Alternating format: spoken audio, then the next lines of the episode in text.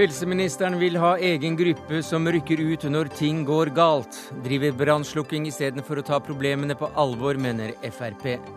Norge har ansvaret for ny Kyoto-avtale i Doha. Nå er forhandlingene på overtid, og hva sier Solhjell til det? Staten vil bytte ut kreftmedisiner med billigere kopier.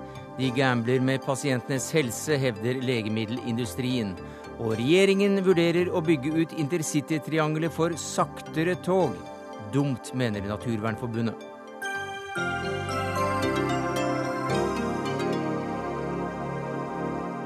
Ja, Det er noen av sakene i Dagsnytt 18 denne fredagen, der vi også skal til Kairo etter fredagsbønnen, og der vi spør hvor i all verden det ble av Ormen Lange.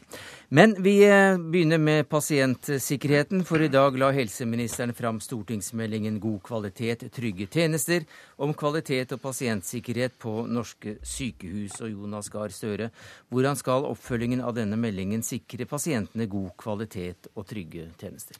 Ja, Det skal skje på flere måter. Vi har en pasientsikkerhetskampanje som nå blir et femårig program, hvor man skal jobbe med systematikk i dette arbeidet. fordi at eh, tiltakene er ganske enkle, men det å få det inn i driften på sykehusene handler om kultur og ledelse, så det skal nå gjøres systematisk over fem år.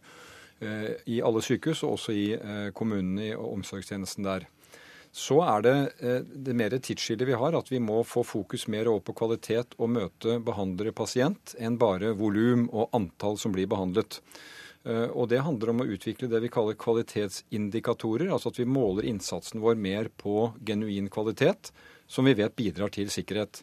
Det skjer flere og flere møter mellom eh, behandlere og pasient. Eh, behandlere kan gjøre mye mer med nye medisiner og nye redskaper, men da kan de behandle sykere pasienter. Og da blir dette med sikkerhet og unngå skader viktig. Og det siste er at vi styrker pårørendes rettigheter når det skjer uhell. Eh, sender ut et lovforslag om eh, pårørendes rettigheter. Eh, og så bekrefter vi her at vi skal gjøre permanent en såkalt utrykningsenhet i Statens helsetilsyn, som rykker ut hvis det skjer alvorlige ting.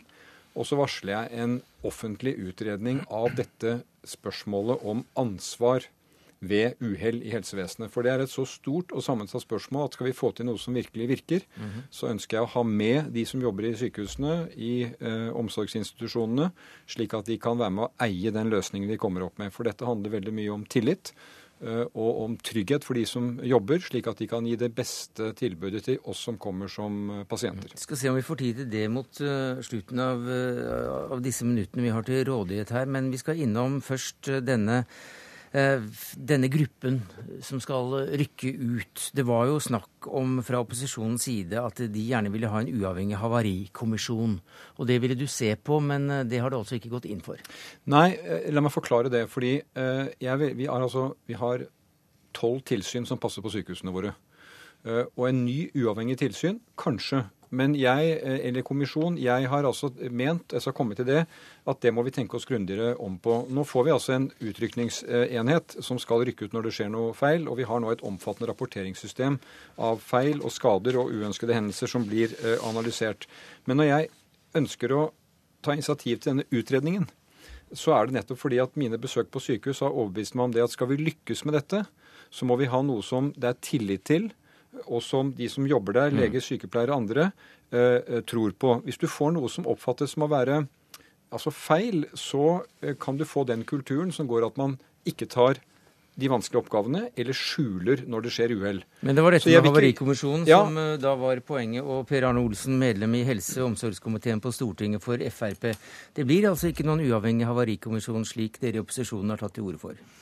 Nei, og jeg beklager det. Eh, selv om jeg ser en del andre ting i, av det lille jeg har rukket å lese meldingen som jeg ser med ganske positivt på, men skal komme tilbake til det.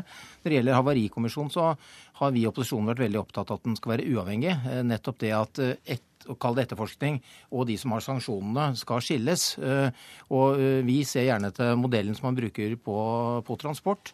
Vi ønsker også å styrke etterforskningskompetanse eventuelt hos politiet. og Det som er, det som er kanskje aller viktigst, og mye av, mye av, signalene har vi fått fra etterlatte etter alvorlige hendelser på, på sykehus som ønsker dette, og noe av det kanskje aller viktigste er at Ofte kan jo en del av disse uh, ulykkene skje ikke som følge nødvendigvis av en svikt hos den enkelte ansatte, men det kan være systemet, det kan være rammebetingelsene, det kan være utstyret. Og nettopp Derfor er det viktig at det er noen uavhengige som ser på. For veldig ofte er det kanskje ikke sykepleieren eller legen som har gjort feilen. Det kan være andre ting. Så det er et veldig veldig viktig prinsipp, og det sikrer uh, rettigheter for de som er etterlatte.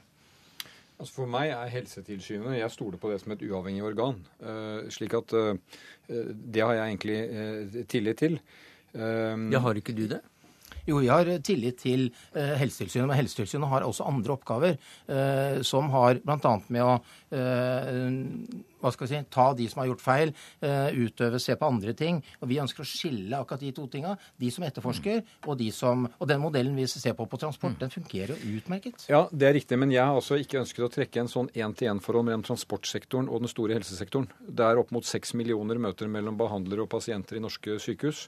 Og jeg tror ikke den modellen nødvendigvis er god. Men jeg utelukker jo ikke at når man tar denne utredningen som tar alle med rundt et bord, det har vi norsk tradisjon for, hva virker? Og der skal pårørende være med. Denne pårørendegruppen av de som har opplevd det forferdelige med å miste noen gjennom uhell på sykehus eller feilbehandling, det er noen av den sterkeste pårørendegruppen du kan møte. De skal med.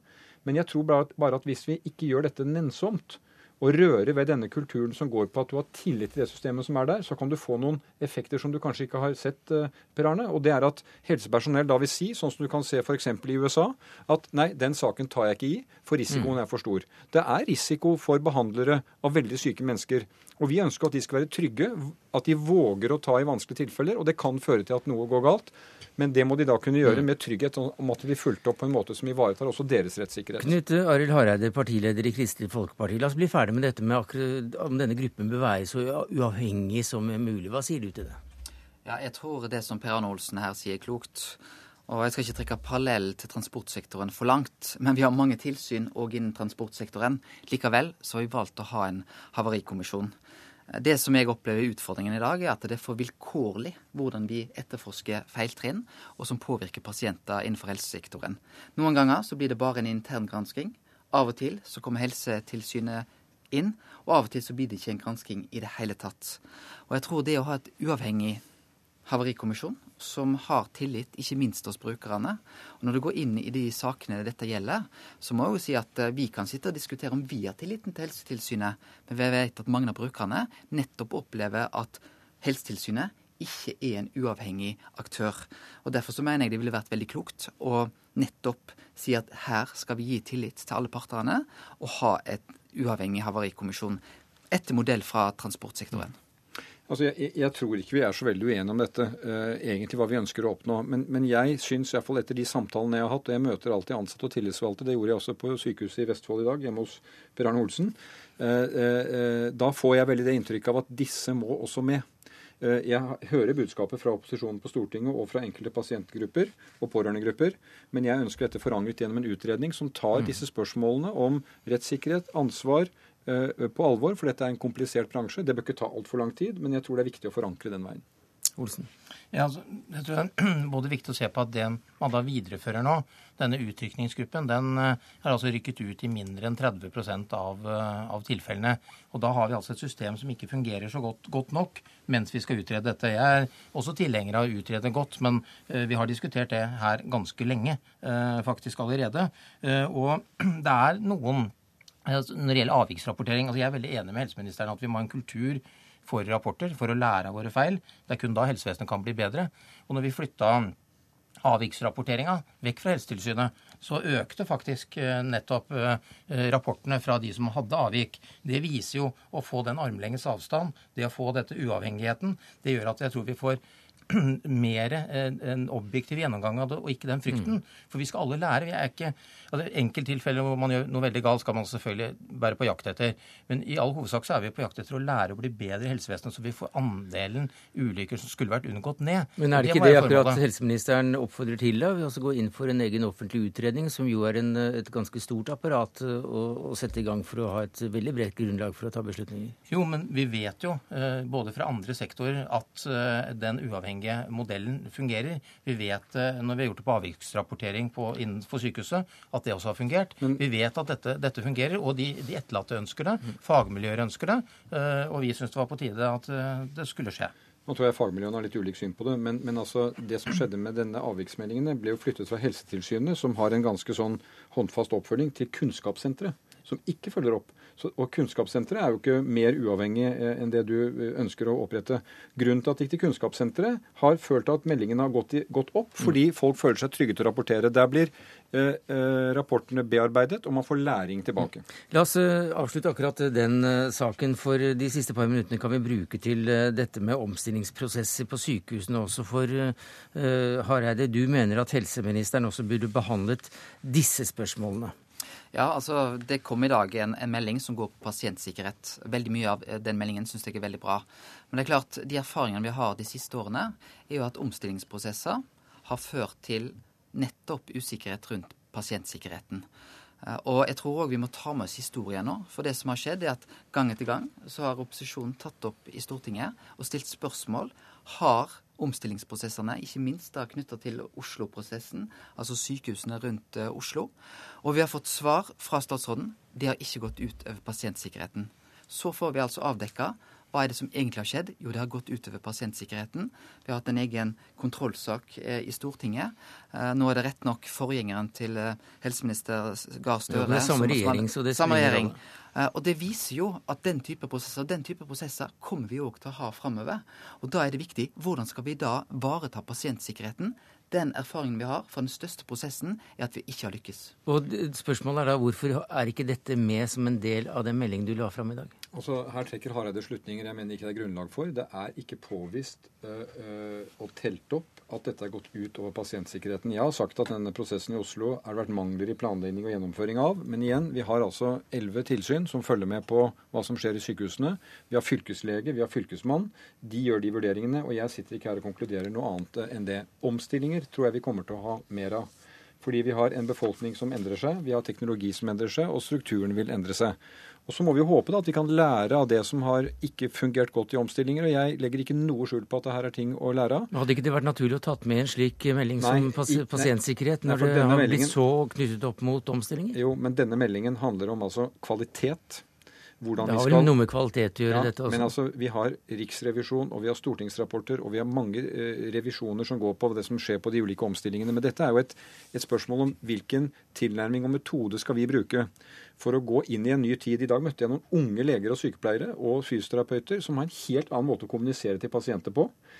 Når vi sier pasienten i sentrum, så er det fordi vi ønsker å få inn at vi som pasienter skal være en del av vårt eget pasientforløp og bidra til det. Det krever en holdningsendring som er, tror jeg, ikke bare blir vedtatt med en stortingsmelding, men det er satt på dagsordenen her. Og det vi måler innsats på i sykehusene i framtiden, skal være mye mer fokusert på kvalitet. Og så får vi ta diskusjonen om omstillingen andre steder. Det gjør vi absolutt. Jonas Gahr Støre, helse- og omsorgsminister. Per Arne Olsen, medlem i helse- og omsorgskomiteen på Stortinget for Frp. Knut Arild Hareide, partileder i Kristelig Folkeparti. Takk skal dere ha.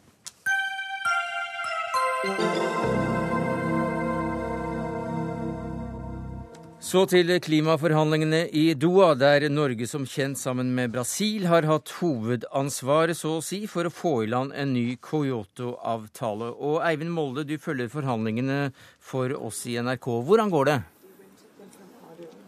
Jeg tror det går ganske trått eh, akkurat nå i kveld. Så vidt jeg forstår nå, så, eh, så går det tregt.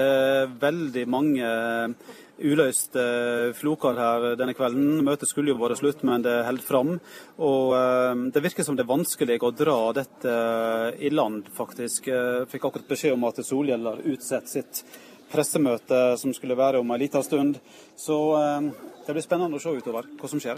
Ja, Vi hadde jo regnet med at han sto ved siden av deg nå. Har du hørt noe om han snart kommer? Nei, det vet jeg ikke. Jeg tror han har nok å holde på med. Jeg så han akkurat inne i en eh, forhandlingssal her. Han hadde ordet og appellerte om eh, en avklaring. Men Det er veldig mange floker som skal løses, og det er mange brikker som skal falle på plass før eh, en ny Kyoto-avtale er på plass. Det er helt, helt, klart. Men Molde, da står du klar med mikrofonen og fanger han opp for oss med en gang han eh, kommer til, eh, til deg. Knut Alfsen, forskningsdirektør i Cicero senter for klimaforskning. Hva kan vi nå da forvente, nå som det ser ut som det går til året? Ja, trått har det gått hele tiden, og dette står og vipper. Eh, og det vipper egentlig mellom et, en total kollaps eller et uh, svakt resultat, vil jeg vel si. Så noen uh, kjempejippo er ikke dette her? Dette er ikke noe kjempejippo. Det har det ikke vært heller. Altså, dette er en slags mellomforhandling fram mot det store tidspunktet hvor en ny global klimaavtale skal være ferdigforhandlet i 2015 først. Men allikevel, hva er det som står på spill akkurat nå? Det, det, er eh, egentlig tre elementer som nå diskuteres. Eh, det ene er hvordan skal man sette i gang forhandlingene om denne nye globale klimaavtalen, som man skal da ha ferdigforhandlet i 2015, men som ikke skal gjelde før 2020. Det er snakk om å, sette en, en, dagsorden og milepæler. Det arbeidet går visstnok ganske greit. Mm -hmm. Så er det eh, element nummer to, som er forlengelsen av Kyoto-avtalen. Den omfatter altså noen få land og noen relativt små utslipp. Eh, men har allikevel vist seg å være vanskelig å få i havn, fordi det er spørsmål om hva man skal gjøre med overskuddskvoter fra forrige eh, periode. Mm. Og da har man interessemotsetninger faktisk innad i EU, mellom Polen og andre land som man visstnok har klart å rydde av veien. Men det er også et spørsmål om hvor lang denne neste Kyoto-avtalen skal være, og der er man ikke helt enige. Men hvis det er så få men, land, hvorfor er dette så viktig da? Nei, det er ikke viktig. Er, altså, for klima spiller det nesten ingen rolle, men det er symbolsk er det viktig. Aha. Det er eh, det man har klart å komme fram til eh, i, i klimaforhandlingene som er noenlunde håndfast. Men så er det tredje elementet som, hvor det virkelig butter, og det gjelder finansiering. Det er sånn at eh, etter, etter København-forhandlingene i 2009 så ble, enig, ble de, de, rike landene enige om å spytte inn 10 milliarder dollar per år i tre år som såkalt fast track financing. Mm. Og så sa man også at i 2020 så håper vi å ha 100 millioner kroner per år som skal altså støtte klimatilpasning og reduksjoner av utslipp i de fattige landene. Mm. Men man sa ikke noe om hva som skulle skje mellom 2013 og 2020. Ja. Og der, eh, ingen, der, der kommer man ingen vei, sivil. Bård Vegar Solhjell, miljøvernminister, delansvarlig for å forhandle fram en ny Coyote-avtale. Hvordan går det? Det er en ganske vanskelig situasjon her nede nå. Det er veldig mange uenighetspunkter som gjenstår. Viktige spørsmål som finansiering, som ble nevnt her, og Kyoto 2 er ganske langt unna å være avklart. Så jeg er håpefull, men jeg tror vi må bare si at det er et veldig vanskelig møte. Der det er mange punkter som gjenstår før enighet. Ja, Hvor er de vanskeligste punktene? Hvor er frontene nå? Altså, På den nye Kyoto 2-avtalen så er det aller vanskeligste for oss som vil ha en ambisiøs klimapolitikk, å klare å få enighet om en klare nok forpliktelse fra land til det, og å rydde unna hull i den nye Kyoto 2-avtalen. Når det gjelder finansiering, så er det et problem at mange rike land pga. finanskrise, arbeidsløshet og dårlig økonomi nøler veldig med faktisk å trappe opp pengene mot det løftet det er gitt til 2020. Eh, men så er det òg eh, ingen tvil om at det er, det er en stemning internasjonalt nå der man overgangen fra den gamle Kyoto til det nye arbeidet med en stor avtale som inkluderer alle land, Kina, India og USA, gjør alt vanskelig. De landene eh, vil ikke forplikte seg eh, og eh, er helt nødvendige for et framtidig avtale som skal nå togradersmålet. Men denne nye Kyoto-avtalen er, som eh, vi hørte fra Cicero og Alfsen her, eh, forholdsvis begrenset og burde også gått an å, å, få, å få, i land. Men, men, det er nå av alle ting uenighet innad i EU, f.eks. mellom Polen, Polen og Røkla. Stemmer det? Ja, Det er helt riktig. Et av de viktige spørsmålene, nemlig om kvoter som ikke er brukt i første periode, skal overføres til andre vanskelig spørsmål. Det vil, grunnen til det er viktig, for da vil du få eh, øke antallet utslipp i den perioden du får den kraftig. Polen ønsker det. Nesten alle andre EU-land er uenig, men det, den interne uenigheten i EU spiller over på hele forhandlingene. Mm. Men hvordan er det forhandlingene foregår nå? Du kommer rett ut fra møter. Sitter dere overfor hverandre? Går dere rundt med lapper og, og mekler, eller hvordan er det det foregår? Jeg får gi et eksempel. Skal, når du snart er ferdig med meg, så skal jeg rett inn i et møte der EU deltar. Og så deltar òg øystatene av de fattigste landene. Der skal vi sitte og diskutere noen av temaene i Kyoto med, med håp om å kunne finne noe slags ja, felles eh, rom på noen av temaene der, der de er uenige, bl.a. det temaet jeg nevnte. Det vi gjør da, det er å å forklare dem, jeg og min brasilianske kollega, hvorfor vi gjør som vi gjør, hva som er kompromisset, og, og, og overtale dem til å leve med noe som ingen av dem liker, men som kanskje det eneste vi kan bli enige om. Hvor lenge har dere tenkt til å holde på med dette, da? Vel, jeg har flybillett hjem på søndag morgen, og jeg er eh, ganske tøff til å være oppe om nettene. Så jeg er innstilt på å holde på så lenge som mulig for å få en avtale. Eh, og gjøre alt jeg kan for det. For jeg vet at selv om det ikke er, selv om det bare er en 15% av verdens utslipp, så vil den få utslippene ned. Og det er viktig at noen er villig til å si at ja, vi tar på oss forpliktelsene til andre. Vi kommer til å fortsette med den meglinga her, og forhåpentligvis om kort tid òg presentere en ny tekst som vi ber om enighet rundt. Hva er oddset for at dere klarer dette? Jeg må bare si at jeg, jeg har vært veldig håpefull hele veien, men jeg er nok mer bekymra nå. Jeg ser at det er svært svært vanskelig, men så vet vi også at i sluttfasen så er de fleste villige til å gi litt mer for å få til en løsning. Takk skal du ha, miljøvernminister Bård Vegar Solhjell. Du får forte deg inn til forhandlingsbordet igjen, der du også møter din brasilianske eh, kollega og partene som også står eh, klarest mot hverandre. Hva fikk du ut av dette? altså? Nei, ikke annet enn at det bekrefter at det er vanskelig, og at det er ikke gitt at man kommer i havn med noe som helst der. Eh, vi kan fremdeles få en kollaps. Hva sier du til, eh, til det, Harald Zakarias Hansen? Du, leder, du er leder i, Spire, som da altså er en ungdomsorganisasjon som kjemper for bedre miljø. Ja, nei, Jeg snakka akkurat med, med, våre folk i, i Doha, og, og, de er jo frustrerte og, og, lurer på hva som skal skje. Og Det jeg sitter igjen med, er jo en reell redsel eh, for om verdens leder skal være i stand til, til, å ta seg av dette problemet. Ikke noen som går i ledelsen og tar på seg store utslippskutt. Ikke får på plass eh, klimafinansiering eh, til klimatilpasningstiltak i landet i sør. Eh, vi har en sambisk organisasjon vi samarbeider med, og jeg snakka med, med, de òg tidligere i dag, og de føler seg jo lurt. for det. En har snakka i flere år om å få på plass penger til, til tilpasningstiltak uten at det kommer noen ting på bordet.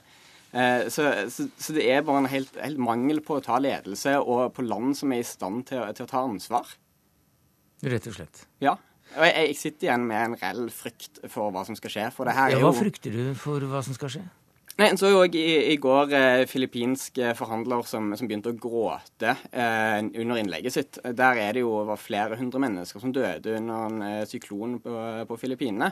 Og en ser over hele verdens st store naturkatastrofer. Klimaendringene er her nå det er ting som skjer, det er mange mennesker som dør. Men, men ikke minst i framtiden så er det, det er vår generasjon som skal ta over, og det er generasjonen som kommer etter oss. Og, og det vil være vanskelig å produsere mat. Det, det vil være mennesker som dør i naturkatastrofer. Det er, er kritisk. Og, og utslippskuttene må jo komme nå. En kan jo ikke vente til etter 2020. Eh, det er jo greit at en forhandler fram en avtale fram mot det, men, men det må jo skje noe nå. nå. Eh, FNs klimapanel sier at utslippstoppen må være i 2015. Og da, da, må det skje noe ganske snart. Det er ikke så lenge til. Ungdommen er utålmodig? Ja, med god grunn. Veldig god grunn. Det er, altså, alvoret i dette er ikke helt sunket inn i befolkningen. Vi fikk en rapport, eller Global Carbon Project, hvor CICER er med, slapp en rapport nå mandag i denne uken som viser at utslippene fortsetter å øke, ca. 3 per år. Vi er på full fart mot en verden som er stygg, for å si det mildt. Men hva hvis det ikke blir enighet om noe som helst da på dette møtet?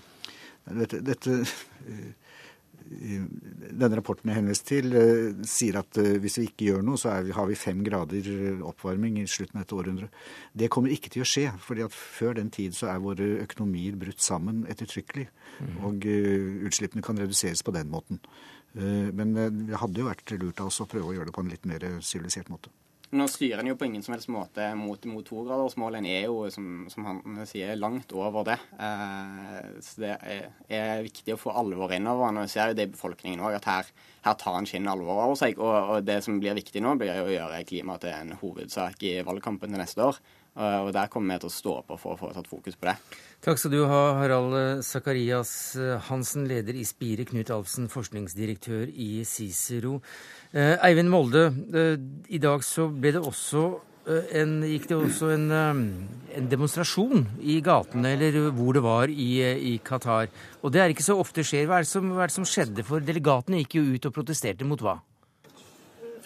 Ja, nei, det, det, er sannelig ikke ofte at det skjer, og det var jo lagt ned forbud mot demonstrasjoner her i dag.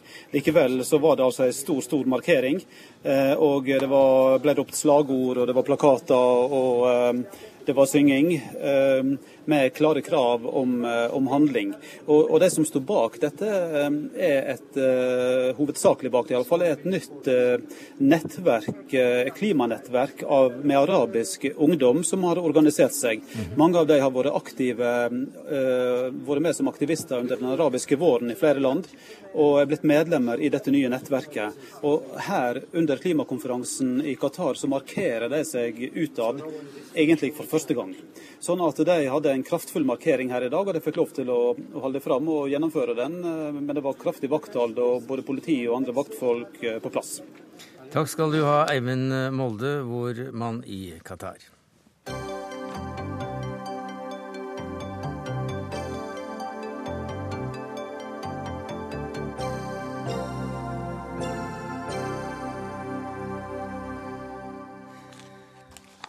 Biologiske medisiner til bl.a. kreft, diabetes og leddgiktpasienter koster staten over 1 milliard kroner årlig. Så mye er det ingen vits å betale, mener Legemiddelverket, som foreslår at disse pasientene bør tilbys billigere medisiner med tilsvarende effekt. Men billigere biologiske medisiner vil ikke du ha noe av, administrerende direktør i legemiddelindustrien Carita Bekkemellem. Hvorfor ikke? Vi er ikke mot å ha biotilsvarende legemidler. Eh, det er det våre legemiddelfirmaer i dag som produserer. Men det vi er sterkt imot, det er at myndighetene våre nå begynner i feil retning. Det er ingen andre europeiske land som eh, foreslår et automatisk bytte på apotek. Og det betyr i realiteten at har du kraftig diabetes, så får ikke din lege vite hva du får foreskrevet. Det kan bety at du får ulike former for biotilsvarende legemidler. Eh, du kan få alvorlige bivirkninger uten at du da egentlig er klar over at det er legemiddelet som du har fått eh, som er årsaken til det. Men det skal jo være samme effekt? Nei, det, har, det er det de ikke har, for det er det som er poenget. Eh, og det er det jeg reagerer meget sterkt på, at når Statens legemiddelverk går ut og later som at dette her er kopier som kjemiske fremstilte legemiddel er, så er det feil. For at dette her er biologiske legemiddel som er laga gjennom gjennom levende organismer, og som har en helt annen kompleksitet, og som kan gi noen skader for pasientene, som gjør det at vi er nødt til å være føre var. Så her har du ikke kopimedisiner, slik vi har snakket Nei. om tidligere, og som, statens, mm. som staten kjøper inn istedenfor de, de dyre originale? Men her har du en helt annen type medisin som det ikke er så lett å kopiere. Ja, og det er hele den fremstillingsprosessen og alt det som ligger der, som gjør det at vi risikerer noen ting. Og hvorfor skal Norge gå i forkant mm. eh, med å gamble med norske pasienter sin sikkerhet? Vi bør vente, vi bør ha mer dokumentasjon, og vi bør følge det europeiske myndigheter sier. Dere gambler med pasienter, herr Steinar Madsen, medisinsk fagdirektør i Legemiddelverket. Nei, det gjør vi aldri. Statens legemiddelverk gambler aldri med pasientens eh, liv og helse. Det kan du være helt sikker på. Men det, det er ikke helt sikker etter å ha hørt uh, Nei, vi skal komme, kanskje komme litt tilbake til det. Men det som, for å ta utgangspunkt i hva vi har gjort, så har det vært en utredning om vi i, en eller annen gang i fremtiden bør ha bytte av disse legemidlene på apotek. Disse legemidlene vil kunne bidra til at vi reduserer kostnadene til dyre legemidler i Norge, og kan skaffe plass til nye legemidler. Og det har med rettferdig ressursfordeling i helsevesenet i Norge. Ja, men, eh, nå er det jo slik at Dette er jo et bestillingsverk etter at Legemiddelverket fikk en dom mot seg i Oslo tingrett. Oslo tingrett slo ganske klart eh, fast at dette her kan ikke foretas, for det er ikke kopipreparat. Og Det handler om en pasientsikkerhet. Og så er da myndighetene våre de er så opptatt på og se på innsparing at de er villige til å gamble med pasientene våre. Vi skal tenke på at dette er kreftpasienter, det er pasienter med MS, det er pasienter med alvorlig diabetes. Mm. Og Så skal du gå på apoteket ditt og få et automatisk bytte til noe helt annet enn hva det legen har utskrevet. Ja, Vi gambler som sagt aldri med liv og helse til pasientene våre. Vi har hatt bytteordninger i Norge nå i ti år. Vi har meget gode erfaringer med bytteordninger. Det vi må gjøre, det er å se litt inn i fremtiden. Vi hadde nemlig tatt opp et sånt legemiddel på byttelisten, og så ble det en rettssak. Vi ble saksøkt av legemiddelindustrien, som ikke likte det vi gjorde. Og så tapte vi rettssaken pga. en teknikalitet, nemlig at den gamle apotekloven ikke inneholder bestemmelser om det som kalles biotilsvarende legemidler, altså kopier av biologiske legemidler. Og da må vi se på trenger vi en mer fremtidsrettet apoteklov som kan sikre oss at vi kan bytte og utnytte disse nye legemidlene. Men Du sier at dere ikke gambler, men du hører jo argumentene her, nemlig at det er ikke forsket på om uh, disse medisinene kan brukes litt om hverandre. Det er ikke, det er ikke utredet godt nok, allikevel så går dere inn for det. Ja, det er utredet godt nok. Disse legemidlene de er bygget, disse legemidlene blir godkjent på europeisk nivå. Så la oss ta Dette er en totrinnsrakett. De kan altså fint forskrives til en pasient. En pasient kan få originallegemiddelet eller kopilegemiddelet. Det er helt greit. Det er alle enige om. Det er også LMI enige om. at Jo, men- Når man begynner på det, Ja, men så det, det er når en pasient allerede går på de eksisterende medisinene, om- vedkommende da kan gå over Ja, til de nettopp. billigere. Og før man skal gjøre det, så må vi selvfølgelig ha god dokumentasjon. Men det vi vil ha, og det som er foreslått overfor departementet, det er departementet som tar avgjørelsen her, det er at vi må ha en forutseende lov på dette området som gjør at vi kan bytte når tiden er moden. Og det vil ikke dere. Nei, vil ikke, altså, ikke det... engang ha en lov som sier at de kan bytte når tiden er moden? Jo, når tida er moden. Vi er ikke mot biotilsvarende legemidler, men det skal skje på en måte som er forsvarlig for pasientene våre. Ja, det er det han Danmark og det Sverige- skal nei, gjøre. nei, det er det de ikke gjør. For Danmark og Sverige har gått i stikk motsatt retning. De sier at dette her kan vi ikke gjøre. Og så, hvem er det vi skal stole på? Hva type ekspertise og kompetanse har Statens legemiddelverk i Norge og europeiske legemiddelmyndigheter fraråder at vi skal gjøre det? Og et annet poeng. Nei, vi, vi, vi tar det først. Altså, Ja, dere er også helt i front her. tror jeg vi kan si at vi har rimelig solid kompetanse på disse områdene. For det er, er det riktig at dere går foran eh, i denne løypa her, og at europeerne ellers eh, ikke gjør det? Nei, det som er poenget, det er at de aller fleste land sier at tiden for bytte er ikke moden per i dag. Men i det tiden er moden, så må vi ha et lovverk som åpner for dette. Det er Så det- dere er, dere er Ja. også helt enige med de andre europeiske landene at tiden ikke er moden nå? Tiden er ikke moden for de fleste av disse legemidlene i dag. Men spørsmålet her er jo hvem er det vi skal stole på. Nå har vi nettopp hatt en helsepolitisk debatt siste tida som handler om at norske myndigheter og regjeringa ønsker å sette pris på et liv. Skal vi stole på myndighetene våre, eller skal vi stole på den høykompetansebaserte industrien som bruker milliarder og forsker og utvikler legemidler for å redde liv? Det er det vi som holder på med. Og Grunnen til at vi roper et alvorlig varsko, det er fordi at dette her som dere har sendt til departementet, det er med respekt å melde. Det er så store svakheter i forhold til de kravene vi stiller juridisk til forvaltninga vår, at det holder ikke. Og jeg kan love deg én ting.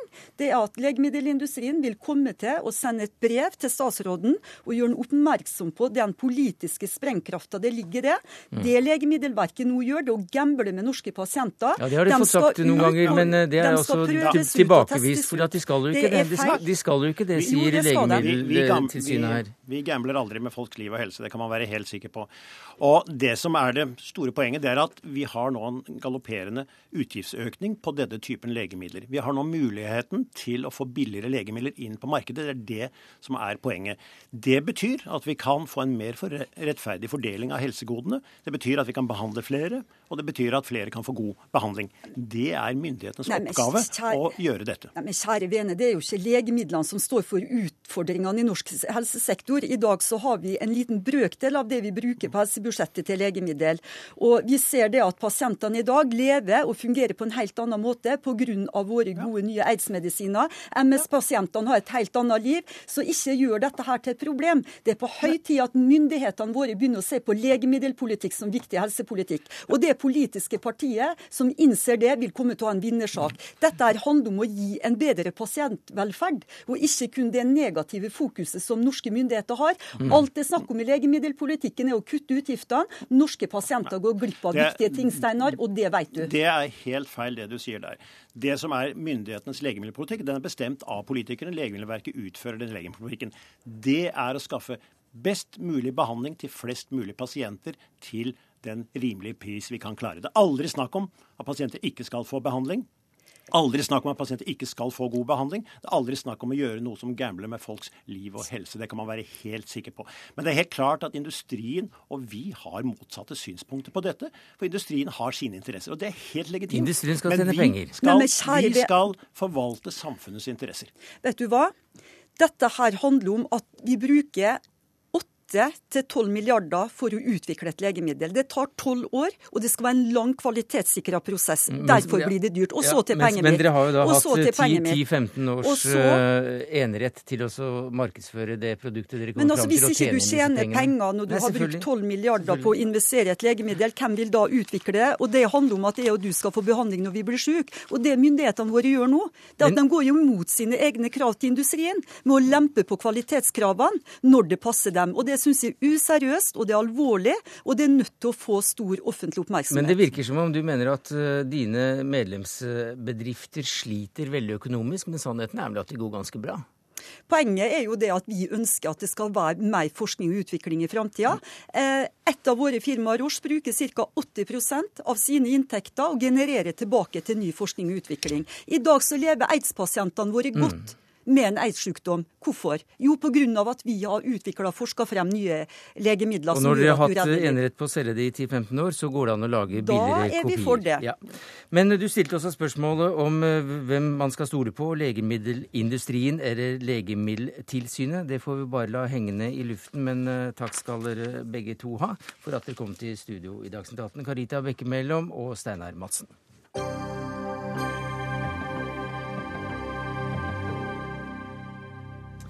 Så til eh, Egypt, der det var varslet nye demonstrasjoner etter fredagsbønnen i ettermiddag. Og hvordan er situasjonen nå, Sigurd Falkenberg Mikkelsen? Mikkelsen, du er vår korrespondent i Kairo.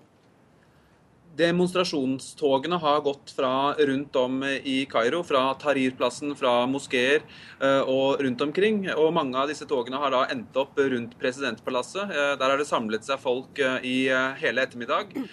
Og det siste nå er at de har trengt eh, gjennom de militære sperringene som ble satt opp eh, i går, gjennom piggtrådgjerdene, eh, og har nå omringet presidentpalasset. Store folkemengder.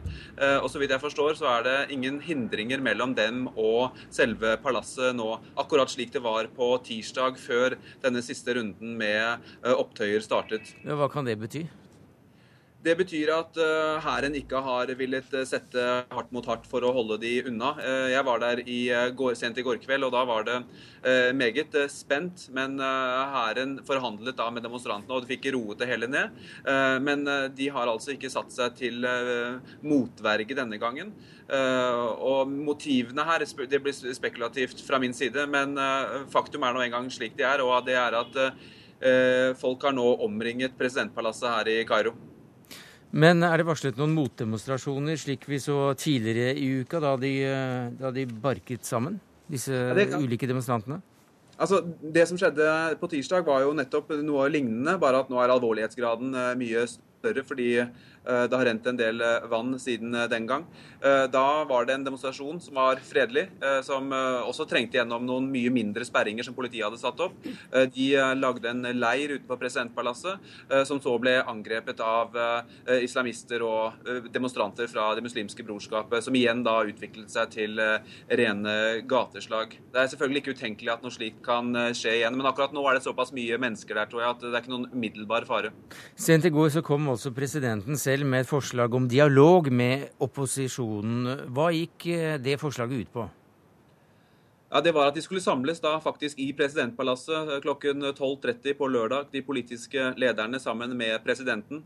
Eh, men det var også det eneste. Det var et formelt tilbud. Men det var veldig lite i den talen som bar bud om dialogvilje fra presidenten. Han eh, sto på sine krav, eh, og, kravet, og dialogtilbudet har også blitt avvist fra alle de politiske opposisjonskreftene her. først og fremst da fra Mohammed El Baradei og The National Salvation Front, som er en sånn paraplyorganisasjon for de mange opposisjonspartiene her. Ja, Opposisjonen debatterte dette forslaget helt til klokka 11 i formiddag. Og så svarte de da gjennom denne eh, organisasjonen, paraplyorganisasjonen som du nevnte navnet på på norsk, så er den oversatt til Den nasjonale redningsfronten, som avslo dette dialogforsøket. Men det i seg selv, at opposisjonen nå uh, taler så å si med én tunge, i hvert fall virker det som på oss, uh, hva slags signal er det? Ja, Det er veldig interessant, fordi noe av problemet til eh, opposisjonen så langt har jo vært at de har vært eh, ekstremt eh, splittet. Men de har altså, etter at Morsi gikk ut med dette nå famøse dekretet, klart å samle seg i denne organisasjonen. Hvor holdbar den er over tid og under press, det for tiden vise. Men de har i hvert fall nå klart å snakke noenlunde med én stemme. Og så er det også interessant å notere seg at Abdel Foutou, som er en eh, utbryter fra Det muslimske brorskapet, som var en sentral figur under presidentvalget, samlet rundt 17-18 eh, under presidentvalget, også var ute med knallhard kritikk av Det muslimske brorskapet, og særlig for måten de bruker religion til å mobilisere og bruke den politisk på den måten det har skjedd den siste uken. Slik at det virker på meg som om brorskapet politisk står mer isolert enn de har gjort på en god stund. Takk skal du ha, Sigurd Falkenberg Mikkelsen i eh, Kairo. Um, Unni Wikan, du er professor i sosialantropologi ved Universitetet i Oslo. Du har fulgt de samme familiene i, i lavere økonomiske sjikt i Kairo i et par generasjoner. Eh, hva er det folkene du studerer og kjenner godt i eh, Afrikas største by, sier om det som skjer nå? De er veldig oppgitt. Slik Eh, det jeg har hørt fra folk nede i Kairo, og det senest for fire uker siden, skal ned igjen til uken, har telefonkontakt stadig, er at de er fullstendig oppgitt over Morsi. At de føler at muslimbrødrene har kidnappet, kuppet revolusjonen. Presidenten Morsi nyter minimal tillit i befolkningen. Eh, og min forståelse av situasjonen sett fra det grasrotplanet er at folk kommer til å mobilisere. Gir, jeg tror ikke de gir seg før han går. Nei. Så hvordan vil du sammenligne den situasjonen nå i, i forhold til uh, da noe lignende skjedde som fikk resultatet at Mubarak måtte gå? Uh, jeg vil uh, Mubarak hadde betydelig støtte på grasrotplan mm. i fattigbefolkningen i bystrøk i Egypt. Og det hadde noe å gjøre med det at han, det var skapt en økonomisk eh, situasjon hvor folk hadde forutsigbarhet, hvor de hadde turismen blomstret, og hvor de hadde inntekter. De var fortvilt over diktatur og mangel på demokrati, men det viktigste for dem var tross alt å ha leveverdige liv. Det de nå opplever, er at alt de ofret for revolusjonen, er tapt. At mange sier at man har gått fra asken til ilden, og at eh, Morsi oss, og, og brorskapet også kommer til å redusere kvinners rettigheter, som var blitt forbedret under Mubarak. Eh, det er en eh, jeg, jeg, jeg, tolker jeg opplever at det er et raseri i lavklassebefolkningen i mm. Kairo mot eh, Morsi. Så de har ikke fått noen økonomisk eh, gevinst så langt eh, av dette skiftet? Nei, det er eh, katastrofe økonomisk. Det verre. Og dessuten, de er også så, så sint på han Morsi fordi at han lovet da han kom til makten, at han, hadde, han skulle innfri fem Han skulle løse fem problem i løpet av sine første 100 dager. Det var brødprisen, det var bensin, det var trafikken i Kairo, det var søppeltømming. Og som folk sa, ingen ba han om å love noe sånt, for eh, folk skjønte at det kan du ikke løse på 100 dager. Eh, så de ser han som en mann av tomme ord, som eh, har besvergelser og løfter, og så er det ikke noe i det.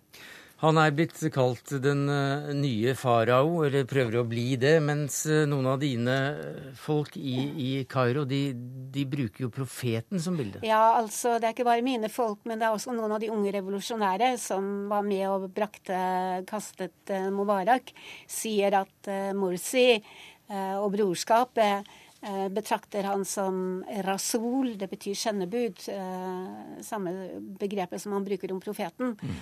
At eh, han er den som er kommet for å skal innføre en, ja, virkelig et, sånn et nytt kalifat. Ja.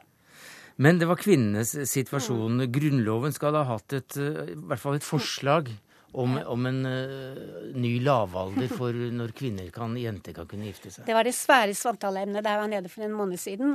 En av medlemmene av den grunnlovsforsamlingen uh, fremsatte forslag at giftealderen for jenter, minimum giftealder, skulle reduseres fra 18 til 9 år. Det var eh, temaet, og jeg snakket til og med med diplomater om det, hvordan, om de trodde at uh, dette kom til å gå igjennom. Da sa de at de tror ikke det, for det kommer til å ødelegge Egypts renommé internasjonalt.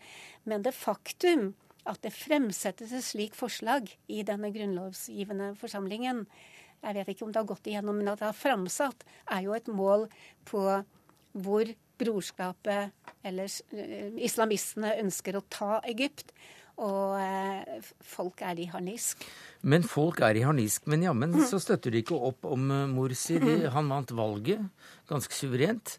Han øh, vinner antagelig den folkeavstemningen som skal mm. holdes over Grunnloven 15.12., mm. hvis alt går etter hans plan. Mm. Det er derfor man prøver å forskyve på tidspunktet, fordi man regner med at han kommer til å vinne. Mm. Så noen må støtte han. Ja, og det han har den, Brorskapet har sin maksimale støtte på landsbygda. Mm. Og noen av de unge revolusjonære som var med og styrte Mubarak, sier at den feilen de gjorde den gangen, var at de mobiliserte i Alexandria og Kairo, og ikke på bygdene. Der har brorskapet sitt støtte. Og jeg vil også legge til at det er klart brorskapet har masse penger. De får midler fra Saudi-Arabia og Qatar. Hvordan de midlene brukes, det vet jo vi ikke ordentlig. Men eh, at eh, det kan være mange måter å sanke seg med på, det er det jo. Men for å oppsummere her, så går dette altså antagelig kanskje bare én vei, nemlig på samme måte som det gikk med den eh, tidligere lederen Mubarak? Det kan være. Folk opplever at de har fått en mm. diktatur, en ny enpartistat. Og Morsi har ikke tillit i brede lag av befolkningen. Takk skal du ha, Unni Wikan, professor i sosialantropologi ved Universitetet i Oslo. Hør Dagsnytt 18 når du vil, på nettradio eller som podkast nrk.no – dagsnytt 18.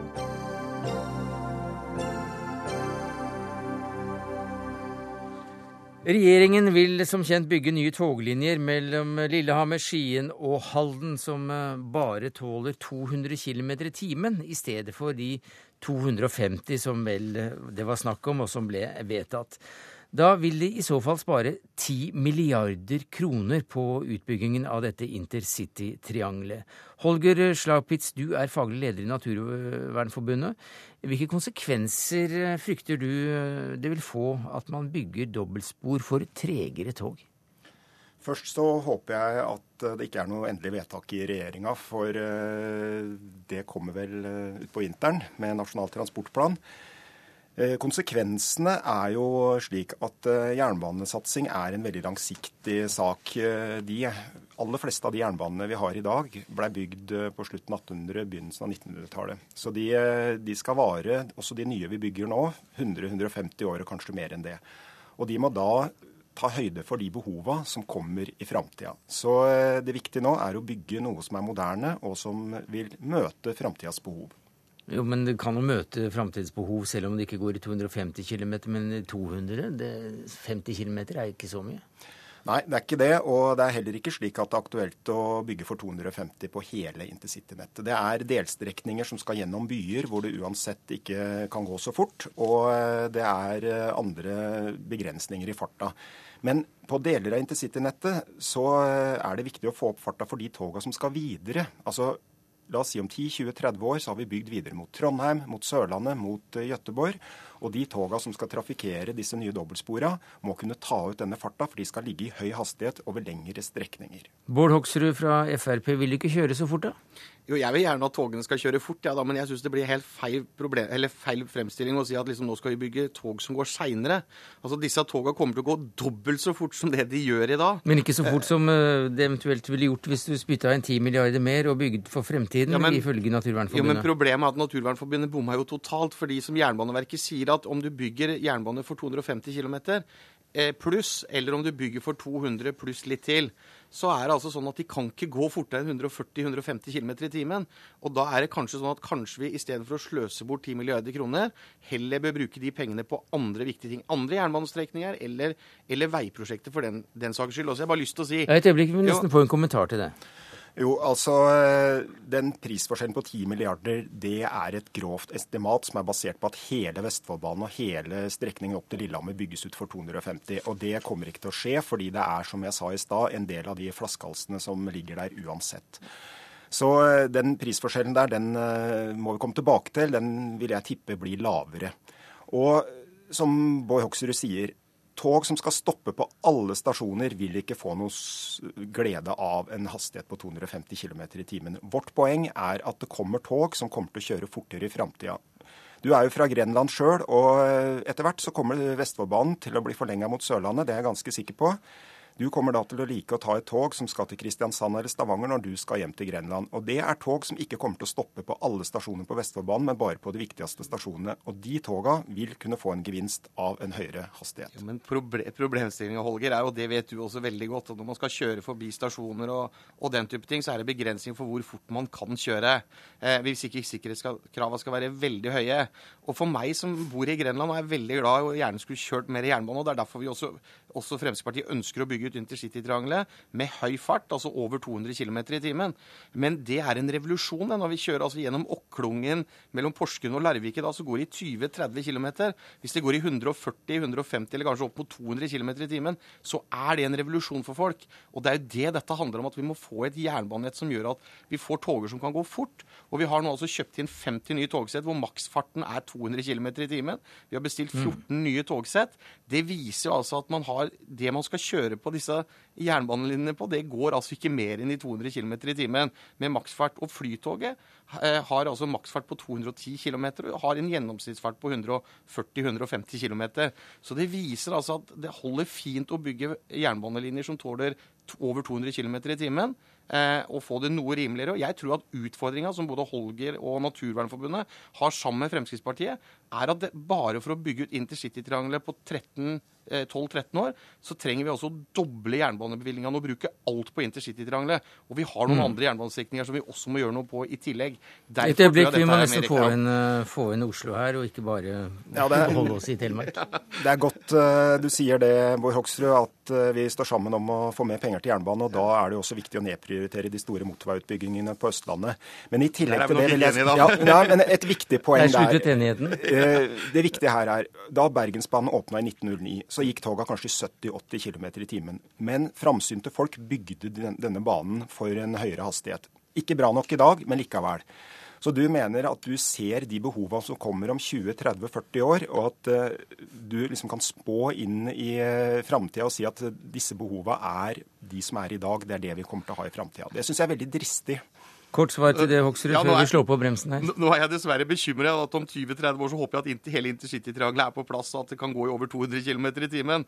Det tror jeg vil være en god ambisjon, og det tror jeg altså Holger må være enig om at med den regjeringa og den bevilgninga som er nå, så er det en kjempeutfordring bare å klare det. Der må vi eh, slå på bremsene, tøffe inn på stasjonen, og det er avstigning på begge sider og alle andre blødmer vi kan komme på. Takk skal dere ha.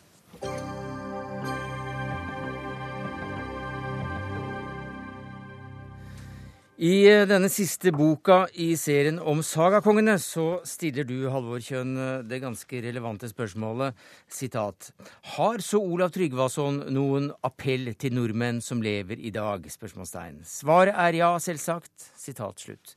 Eh, så da blir vel da oppfølgingsspørsmålet hvorfor i all verden nordmenn skulle bry seg om denne Tryggvason i dag, 1012 eh, år etter hans død? Ja, Først og fremst fordi at han er en viktig person i den norske fortid. Aha. Fordi at han er jo en mann som faktisk var med på å legge grunnlaget for den staten vi lever i i dag. Jeg trodde bare han var en romantisk figur. Jeg, nei, som... det var han ikke. Hvis man uh, går gjennom kildene og man gransker den selv med et meget kritisk blikk, så blir det veldig mye igjen av ham.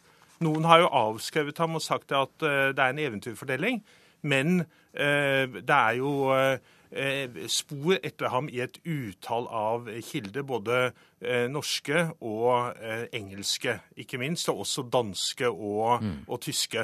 Ja, for sånn at, du, du, nevner han sammen med navn som Bjørnstjerne Bjørnson, Henrik Wergeland, Johan Sverdrup og Fridtjof Nansen. Hvorfor gjør du det? Jo, fordi at han var på en måte eh, Altså Bjørnson og Sverdrup og Fridtjof Nansen var jo på en måte 1800-tallets eh, Olav Tryggvason. -huh. eh, altså Det er veldig mange, mange, ting man kan si om Olav Tryggvason, men han var jo, han framsto i hvert fall for tilhengerne sine som en helteskikkelse. Han var jo som en, en komet på himmelen. Han kom til Norge en vårdag i 995, og han hersket da i disse fem hektiske årene. Og så dør han da i et voldsomt dramatisk sjøslag i eh, de danske beltene eh, en dag i årtusen. Og dette var jo et, et uh, dramatisk sjokk inn i ikke bare norsk historie, men også inn i skandinavisk. Nei, for Han kjempet jo da mot utenlandsk innflytelse i, i gamlelandet. Ja, og det var jo det som var programmet. Det var jo å opprette norsk stat. Og det er klart det at uh, her kan man jo si som Lenin at når man lager omelett, så må man knuse egg. Og det gjorde han jo i veldig høy grad. Og dette var jo ikke noe humanitært prosjekt på noen måte. Men programmet, nemlig det å stifte eller det å danne en norsk stat, som jo så vidt var påbegynt, det var jo, det var jo hans. Og det, der ytte han jo en, en, viktig innsats. Og Der går jo tråden fint til 1800-tallet Norge og helt fram til 1905. Så det er kanskje ikke så rart at, at man brukte Fridtjof Nansen som figur da man brukte, skulle illustrere? Nei, det er jo akkurat det. Når vi da, når vi da leser Heimskringla, altså Snorres kongesaga, og så ser vi da i, i, i Olav Tryggvasons saga, så brukte de jo eh, Fridtjof Nansen som modell. Så det er jo Fridtjof Nansen vi ser da i alle disse tegningene om Olav Tryggvason. Mm. Og det sier jo også om hvordan 1800-tallet så på denne mannen, Olav Tryggvason. Men du, han reiste jo også da den første kirken, visstnok, det var på Moster, etter at han da kom og fikk landkjenning i gamlelandet. Og du ser på denne kristningen av landet som han, om ikke var den første, men som han var, vel var en av de første som begynte med, eh, som en veldig nødvendig betingelse i prosjektet å gjøre Norge til en europeisk stat. Ja, altså han vil, han vil, gjøre Norge til moderne europe, altså moderne i den, den tidsbetydning moderne europeisk stat. Og Han hadde jo vært, han hadde jo vokst opp i Russland, og han hadde sett hvordan eh, Russriket, som det het, eh, vokste fram til en stat. Han hadde vært i England. Han hadde vært i, eh, antagelig i Polen, altså Venland, og han hadde sett hvordan disse statene vokste fram. Og så visste han da at Norge var, Norge var egentlig en samling med mer eller mindre selvstyrte bonderepublikker. Hedenske. Det, ja, hedenske. Og dette ville han endre på. Og så eh, Han ville skape både en sterk kongemakt og en sterk kirkemakt, for det var det som konstituerte de europeiske nasjonene. Eh, og, metodene han brukte, de, de, holder jo ikke vann i Nei. vår tid. på ja, for Han var heller ingen stor humanist som noen av disse kongene var. Men, men så var det da til det han gjorde også. Én ting var jo at han hadde jo en barndom som ville fått eh, selv den minst bemidlede eh, barnevernsinstitusjon til virkelig å sperre opp øynene. Han ble jo forfulgt og solgt som slave. Og... Ja, altså det er, jo, det er, jo, en bemerkelsesverdig karriere da, fra eh, barneslave til konge. Ja. Og det er, ikke, det er, jo de færreste. Og nå er kanskje ikke akkurat den historien som barneslave så godt uh, underbygd, men, men, det at han hadde en uh, en vanskelig barndom og oppvekst, det er jo helt sikkert. Og det er jo ganske bemerkelsesverdig at uh, han da fra å være barneslave i Estland uh, klarte å svinge seg opp til å bli norsk konge. Det er det ikke så mange andre som har klart. Og det da gjennom å ha studert uh, liv og lære i Russland i den tiden, i Kiev. Og, eller var det Holmgard? Ja, antagelig, antagelig, var det vel i Novgorod. Dette, ja. Det vet vi ikke helt sikkert. Men så gjorde han jo ikke annet enn å slåss resten av sitt liv. Eh, og han dro jo hjem til, til, Norge, og vel så var han en kongssønn, men det hjalp jo å ha med seg litt midler selv. Og hvordan skaffet han seg midler? Jo, det var jo gjennom det som var den tids metode, nemlig utplyndring. Og da plyndret man jo ut de statene som var svake. Og da var det jo det spesielle at vi skandinavene, vi hadde jo eh, gjennomført en teknisk innovasjon med å finne opp vikingskipet. Som gjorde at vi kunne flytte oss fortere og mye mer effektivt enn alle andre. Og Vikingskip var jo et amfibiefartøy, altså et fartøy for amfibiekrigføring. Man flyttet seg over hav og inn på land. Og man laget jo, bygget jo disse krigsmaskinene. Og så organiserte man disse eh, bandene, må vi kunne si i dag, med, med krigere. Og så gikk man løs da på de europeiske land. Og, og også på England, England, Og den engelske kongen kjøpte seg faktisk ja. ut med hvor mye sølv? Ja, fem tonn i hvert fall. En stor sånn at, del av nasjonalformuen? Ja, altså det må ha vært en forferdelig hendelse den gang da, da mennene til den engelske kongen dro omkring i England og samlet inn alt dette sølvet, som da skulle ja. overleveres til Olav Tryggvason for at han skulle slutte å utplyndre England. For at han skulle ha penger nok til å lage en nasjonalstat som til slutt da Det ble etter en Ja. par generasjoner etter han. Og så dro han over Nordsjøen og satte i gang. Eh, kommer ikke Ormen Lange? Hvor blir den av? Ja, Det er det jo et gammelt munnhell. Hvor ble det av den? Eh, Ormen Lange, den ble hogd opp. Den Ja, den ble hogd opp. Men det var jo, da den var på toppen, så var det jo den største krigsmaskinen i sin tid. Og det er jo litt spesielt at den ble produsert i dette, denne steinrøysa av et land som heter Norge. Takk skal du ha, Halvard Kjønn, eh, som har skrevet boka om Olav Tryggvason. Det var det vi rakk i Dagsnytt 18 denne uka. Ansvarlig for det hele var Siri Hytten. Det tekniske ansvaret hadde Karl Johan Rimstad. Jeg heter Sverre Tom Radøy.